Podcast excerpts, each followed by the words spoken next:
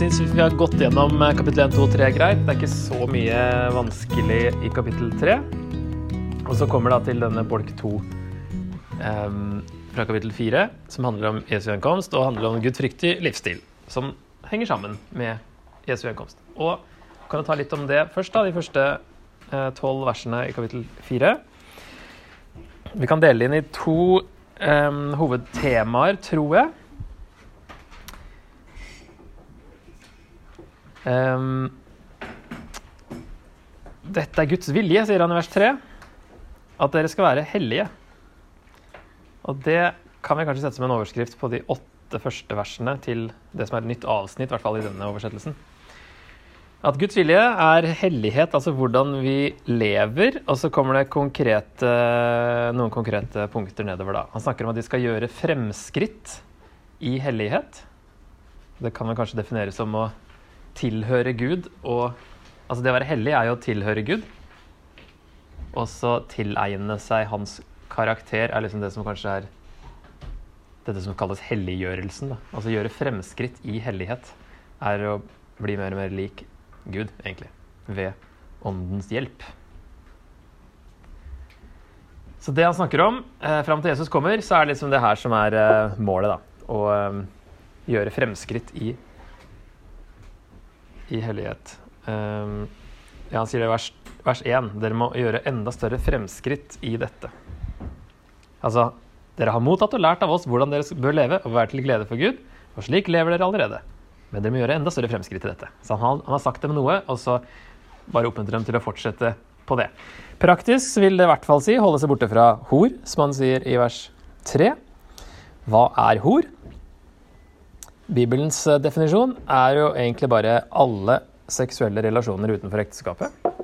Det er sånn rammen som gis, og alt um, utenfor den rammen er, kalles ofte hor. Da.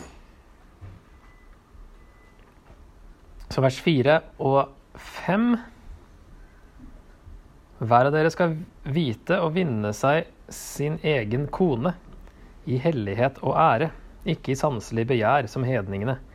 De kjenner jo ikke Gud. Eh, så i hvert fall så er det at hellighet er en motsetning til sanselig begjær. Og så er det litt eh, Jeg tror alle de norske oversettelsene har at det handler om å vinne sin egen kone i hellighet og ære. Men hvis du sjekker engelske, så står det ofte at uh, enhver skal lære å kontrollere seg selv. For det er liksom litt vanskelig oversatt, det her, da. Fordi ordet 'kar' brukes. Og noen ganger brukes det om kona, og andre ganger brukes det om Det kan brukes om mye forskjellig, da. Og så har man bibelsk belegg for begge. Men i hvert fall i norske så er det eh, snakk om uh, å vinne seg sin kone.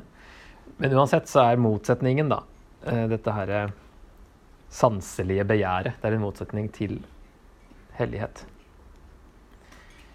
Og så sier han i vers 6.: Ingen må krenke eller utnytte sin bror på noen måte. Um, det ser ut til å være noe annet enn det han sier i vers 9 om søskenkjærligheten trenger vi ikke skrive til dere, for dere har selv lært av Gud å elske hverandre. Uh, hvis han snakker om det her i en sånn hellighetskontekst, så det, har det kanskje noe med utroskap å gjøre, er det noen som mener? At det er å krenke og utnytte sin bror. Eh, eller han plutselig bare snakker om uh, generelt. Men uh, hvis han er liksom fortsatt innenfor dette temaet, så kan man forstå det sånn, kanskje. Og så sier han i vers 7 at Gud kalte oss ikke til urenhet, men til et hellig liv. Det så vi på i stad. Det Gud kaller oss til, er et hellig liv. Og den som avviser dette, avviser derfor ikke et menneske. Han avviser Gud, som gir dere sin hellige ånd. Så det er litt alvorlig å avvise dette kallet til hellighet som Gud gir oss sin hellige ånd for at vi skal eh, få hjelp til å vokse i hellighet og bli mer og mer lik Gud. Hvis man avviser det, da avviser man Gud, og det er alvorlig. Så det, det sier jo hebreerbrevet også. Uten helliggjørelse skal ingen se Gud. Så det betyr ikke at du må være hellig for å se Gud, altså, eller for å være frelst. da. Du må egentlig være hellig for å se Gud, men det har vi blitt. Vi har blitt gjort hellig med Jesus. Men, eh, men, det handler om det her eh, At Guds kall til oss er at vi skal vokse i hellighet. Kaller oss til et hellig liv, kaller oss til et liv som passer med Gud, Guds karakter. Dukker egentlig opp i overalt i Bibelen. Og så er det også mulig å tenke at eh, siden han sier dette her, den som avviser dette, avviser ikke et menneske, altså ikke Paulus, men han avviser Gud. Og så sier han i vers 2.: Dere vet jo hvilke påbud vi ga dere fra Herren Jesus. Så hvis de to knyttes sammen, så er det egentlig at det å avvise denne veiledningen fra Paulus, er å avvise Gud. Da er Paulus ganske sikker på at det her er Guds vilje. Det han har sagt til dem, hvis ikke de holder seg til det, så avviser de Gud. Fordi Paulus er sikker på at det han har gitt dem, er fra Gud. Og han sier her altså Han som gir dere sin hellige ånd, i vers 8 Og det er jo ikke han som har gitt dere sin hellige ånd, men han som gir dere sin hellige ånd. Han gjør det hele tiden for at dere skal leve dette hellige livet. Og hvis dere avviser det og bare lever som før, så, så avviser vi Gud som faktisk gir oss sin ånd for at vi skal leve sånn. Og Gud sier jo det som er i samsvar med hvordan han er. Så det er ikke bare tilfeldige bud. Det er for at vi skal bli mer lik han. Og når Paulus sier det sømmer seg ikke at dere gjør sånn i feserne, så er det fordi Gud er ikke sånn. Vi er, kalt, vi er blitt hans barn. Vi er kalt til å ligne på han mer og mer. ikke sant? Som barn ligner ofte på foreldre. Um, ok, Så hellighet er første biten her. Og så snakker han litt, virker det som, om um, søskenkjærlighet da, fra vers 9 til 12. Um, ja, og så er det veldig retorisk typisk å si at uh, om søskenkjærligheten trenger vi ikke skrive til dere, for dere har selv lært av Gud å elske hverandre, og dere viser denne kjærligheten mot alle våre søsken i hele Makedonia. Like fullt oppfordrer vi dere søsken til å gjøre enda større fremskritt. Veldig typisk at vi trenger ikke skrive om det her, og så gjør vi det likevel. Og det, det er sånn uh, Paulus gjør det flere ganger. Så det er ikke noe sånn uh, tullete fra hans side. Det var sånn man uh, skrev ting og sa ting. Det var retorisk bra. Dere skal sette deres ære i å føre et stillferdig liv, passe deres egne plikter og arbeide med hendene slik vi har pålagt dere. Da kan dere gå fram slik det sømmer seg overfor dem som står utenfor, og trenger ikke be noen om hjelp, som han var et eksempel på når han var der.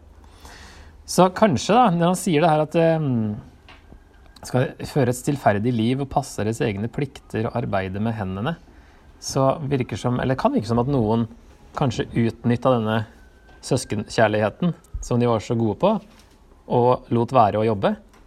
Det dukker opp enda mer tydelig i 2. Tessaloniker 3, så da har vi kanskje en case for at det var en greie der. Om at noen ikke jobba sjøl og bare levde på andre fordi man uh, tok vare på hverandre og elska hverandre og sånne ting. Og kanskje det hadde noe med at Jesu gjenkomst var nær, tenkte de. At det er ikke å jobbe nå. Nå kommer han snart. Og så er det noen som jobber likevel. Ja, vi får litt mat av de, da. Men uh, han kommer jo så fort at uh, det er bare å gjøre seg klar. Selge alt man eier og sette seg på et fjell og vente. Som noen har gjort. det var en case i Sør-Korea, tror jeg. At de satt på et fjell og venta på Jesus. Og um, ofte på sånne store datoer. da, Jeg husker 1975, jeg husker ikke 1975, det må jeg si, men jeg husker at 1975 var, var en sånn Jeg tror Jehovas vitner hadde en sånn case på det at det var liksom da kom Jesus. De har hatt ganske mange feilslåtte beregninger. 1975 var en stor en, tror jeg, der, der de ble oppfordra til å selge hus osv. For Jesus kom i 1975. Så da hadde de liksom gjort seg klar, og så kom han ikke. Og så måtte vi begynne på nytt. Så det, det, er dumt å høre for mye på sånne ting, som folk som tror de vet. Ok, Så det var den bolken. Og så kommer liksom kanskje selve kjernen, da, eh, med, fra 4.13.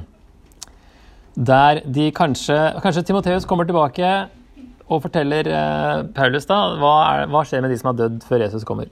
Det lurer de spesielt på. Og Da kan vi lese det avsnittet fra vers 13. Vi vil at dere skal vite, søsken, hva som skjer med dem som er sovnet inn. Dere skal jo ikke sørge som de andre, de som er uten håp. For om Jesus døde og sto opp, og det tror vi, så skal Gud også ved Jesus føre dem som er sovnet inn, sammen med ham. Altså Jesu oppstandelse peker fram mot at de døde skal stå opp da, en gang i framtida. Dette sier vi dere med et ord fra Herren. Vi som fremdeles lever og blir igjen her helt til Herren kommer, skal slett ikke komme før dem som er sovnet inn. For når befalingen lyder, Når erkeengelen roper og Guds basun høres, da skal Herren selv stige ned fra himmelen, og de døde i Kristus skal stå opp først. Eller skal stå opp først. Det er de døde i Kristus de lurer på. Hva skjer? Ja, de skal stå opp først, de. Deretter skal vi som er igjen og ennå lever, bli rykket bort sammen med dem i skyene for å møte Herren i luften. Og så skal vi være sammen med Herren for alltid. Trøst og sett mot i hverandre med disse ordene. Her ser vi bl.a. eh, i vers 15 et ord fra Herren. Det er jo noen steder Jesus har snakka om dette her, og kanskje tydeligst da i Matteus 24 i den endetidstalen. Eh, noen steder i Johannes òg, at han har vært inne på at de døde skal stå opp når han kommer tilbake. Høre hans røst i gravene osv. utover i Johannes-versene der. Også er dette ordet 'når Herren kommer'. Det betyr bokstavelig et nærvær, som i 2. Korinter 10.10, eller ankomst. Og det ble ofte brukt om kongelige visitter, når kongen, kongens nærvær kom. Og når befalingen lyder, erkeengelen roper og Guds basun høres, det passer òg litt med en sånn kongelig visitt. Hvis en konge kom til en by, så ble det annonsert av en sånn herold som de hadde. En som står på torget og roper ut nyhetene. Så det her, eh, når Jesus kommer, da skal erkeengelen rope, og Guds basun høres. Da er det ganske sånn eh, bra um, herold som forteller at nå kommer kongen med stor K. Og så, deretter skal vi som er igjen og ennå lever, bli rykket bort sammen med dem i skyene for å, møte, for å møte Herren i luften. Og dette ordet 'møte' ble også brukt om en sånn velkomstkomité som gikk ut av byen for å eskortere en kongelig inn i byen. Så han bruker et sånt bilde fra når en konge kommer. Og det var eh, faktisk i Tessalonika så hadde både selveste keiser Oktavian hadde søkt eksil en gang i Tessalonika. Det er jo lenge siden. Det var 40-tallet før Kristus. Og også før han òg, så var det han eh, var det general, han Pompei, som også på 40-tallet hadde gjort det samme. da, kanskje ja, det var to forskjellige hendelser. Så de var, I historien sin så var de vant, eller hadde liksom opplevd det her, at det kom en stor person. At selveste keiseren kom. Og da var det vanlig at man da eh, annonserte det, og at den gikk en sånn delegasjon ut for å møte denne kongen, og så eskortere han inn. Så bildet som tegnes her, da, er at Jesus kommer til jorda som kongen med stor K. Blir møtt av sitt folk, både døde og levende, i skyene. Og så eskortert tilbake til jorda, som da skal bli ny.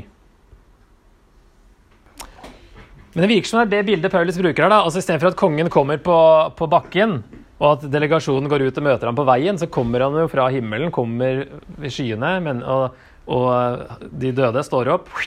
Eh, de som er levende òg. Alle blir da rykket opp for å møte ham der. Og så sier han jo ikke direkte her at de går tilbake igjen, men det er jo det bildet vi får både fra det verdslige bildet og fra at det er en, snakk om en ny himmel og en ny jord. Og ikke at vi skal være i skyene og være i himmelen. Vi skal være på en ny jord. Og at kongen kommer, vi møter han, og han går tilbake. Og da skal de døde få være med på det. Sånn at eh, De trenger ikke bekymre seg for de døde. De kommer ikke til å gå glipp av noe, men skal faktisk stå opp først før vi andre liksom rykkes noe som helst sted. Ok, men Jeg vet ikke om det er kjent for dere, da. Men beskriver ikke vers 17 denne såkalte opprykkelsen? Vi skal rykkes opp til skyene. Dette er visstnok en serie på HBO ut fra denne boka her. Det er vel litt sånn, der, litt sånn her opprykkelsesteologi inni her. The leftovers. Vi, de som er igjen, er liksom the leftovers, mens de, de kristne er liksom rykket bort. Det er samme som Left Behind-serien, ja. Nå har ikke jeg lest boka eller sett den serien, men jeg vet ikke hvor kristen den er. Men at det er etter en sånn opprykkelseshendelse. At, uh, hva som skjer på jorda etter det. da. Men det her med opprykkelsen, da, jeg vet ikke hvor mye dere har vært borti det før. Ja, I forskjellige kirkesamfunn så er det jo mer og mindre oppe. Det som er interessant å vite, er at det ble ikke tolket slik før i 1830. Og det syns jeg sier litt, da. Det var ingen som så det her før i 1830. Og det skal visst ha oppstått da en dame som het Margaret MacDonald var så syk at hun trodde hun skulle dø. Hun skal da ha opplevd en blanding av profetier og visjoner i flere timer. Hun ble overbevist om at Jesus kom til å komme to ganger i stedet for én. Først i herlighet for de som venter på ham, og senere så ethvert øye kan se ham. Og da den her todelte som vi ser i Left Behind blant annet, og denne boka sikkert, da, Leftovers At Jesus kommer usynlig først, rykker opp eh, menigheten sin. Og så kommer han tilbake senere, ofte sju år senere, eh, og da skal de døde stå opp. Det som ikke passer, er jo også at Paulus sier de døde skal stå opp først. Og så skjer opprykkelsen. Mens i det tidslinja her, så blir det jo altså, blir det motsatt. At det rykkes opp først, og så noen år etterpå så står de døde opp. Det blir jo egentlig helt imot poenget til Paulus her.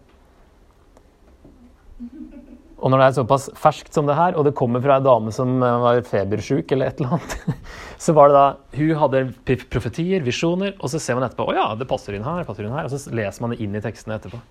Og så har det blitt den mest kjente tolkningen av endetids Altså det mest kjente endetidssynet. I hvert fall i vår del av verden.